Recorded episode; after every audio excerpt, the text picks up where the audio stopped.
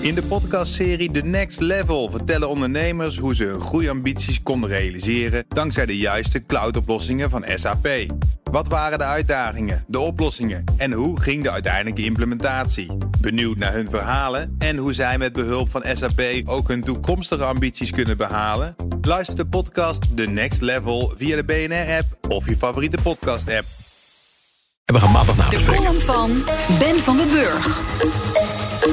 Zoveel beloften blijken helemaal niet uit te komen. Zeven jaar geleden beloofde platformkennis dat dankzij Uber het verkeer in de steden af zou nemen. We zouden ritten gaan delen en zelf een auto bezitten hoefde niet meer. Je drukt op een knop en een auto komt voorrijden.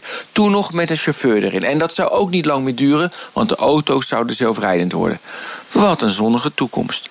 Nu blijkt dat door verkeersdiensten als Uber en Lyft de verkeersdrukte toe te nemen.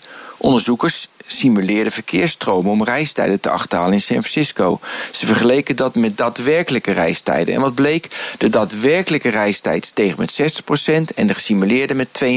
Nou, de conclusie was: Uber maakt de stad drukker. Een illusiearme dus. En ik hoor het mensen nog zeggen: heerlijk, eigen baas zijn. Ik kan rijden wanneer ik wil. Ik ben helemaal vrij. Niemand zegt wat ik moet doen. En deze week gingen Uber-chauffeurs in Amerika en Groot-Brittannië de straat op. Ze willen meer betaald krijgen voor hun ritjes en meer menselijkheid. Gemiddeld verdient een Uber-chauffeur 15,68 dollar per uur. Maar dan moeten alle kosten van zijn auto nog vanaf. Daarnaast ontbreekt de baas van vlees en bloed. Ze worden gestuurd door een algoritme. En het algoritme bepaalt dan of je een rit krijgt en wat de prijs is en of je niet te hard rijdt. En tot wie moet je dan je klachten richten als je daar niet mee eens bent? Op wie kan je afreageren? Je bent gevangen in vrijheid door het algoritme. Vandaag gaat Uber naar de beurs. Begin dit jaar beloofden de kenners van Goldman Sachs en Morgan Stanley, die weten het, een waardering van het bedrijf van 120 miljard dollar. Later werd het bijgesteld naar 90 tot 100 miljard. Nu de beursgang dichterbij kwam deze week, breken ze opnieuw hun belofte. Ze zeggen dat de waardering uitkomt tussen de 80 en 90 miljard dollar. 10 miljard dollar meer of minder, een kniesoor die daar moeilijk over doet. Uber belooft dat personal mobility, zoals ze het zelf noemen, grote vormen aan. In hun beursgangprospectus zeggen ze slechts 1% van de totale markt van de vervoersbehoefte te bedienen.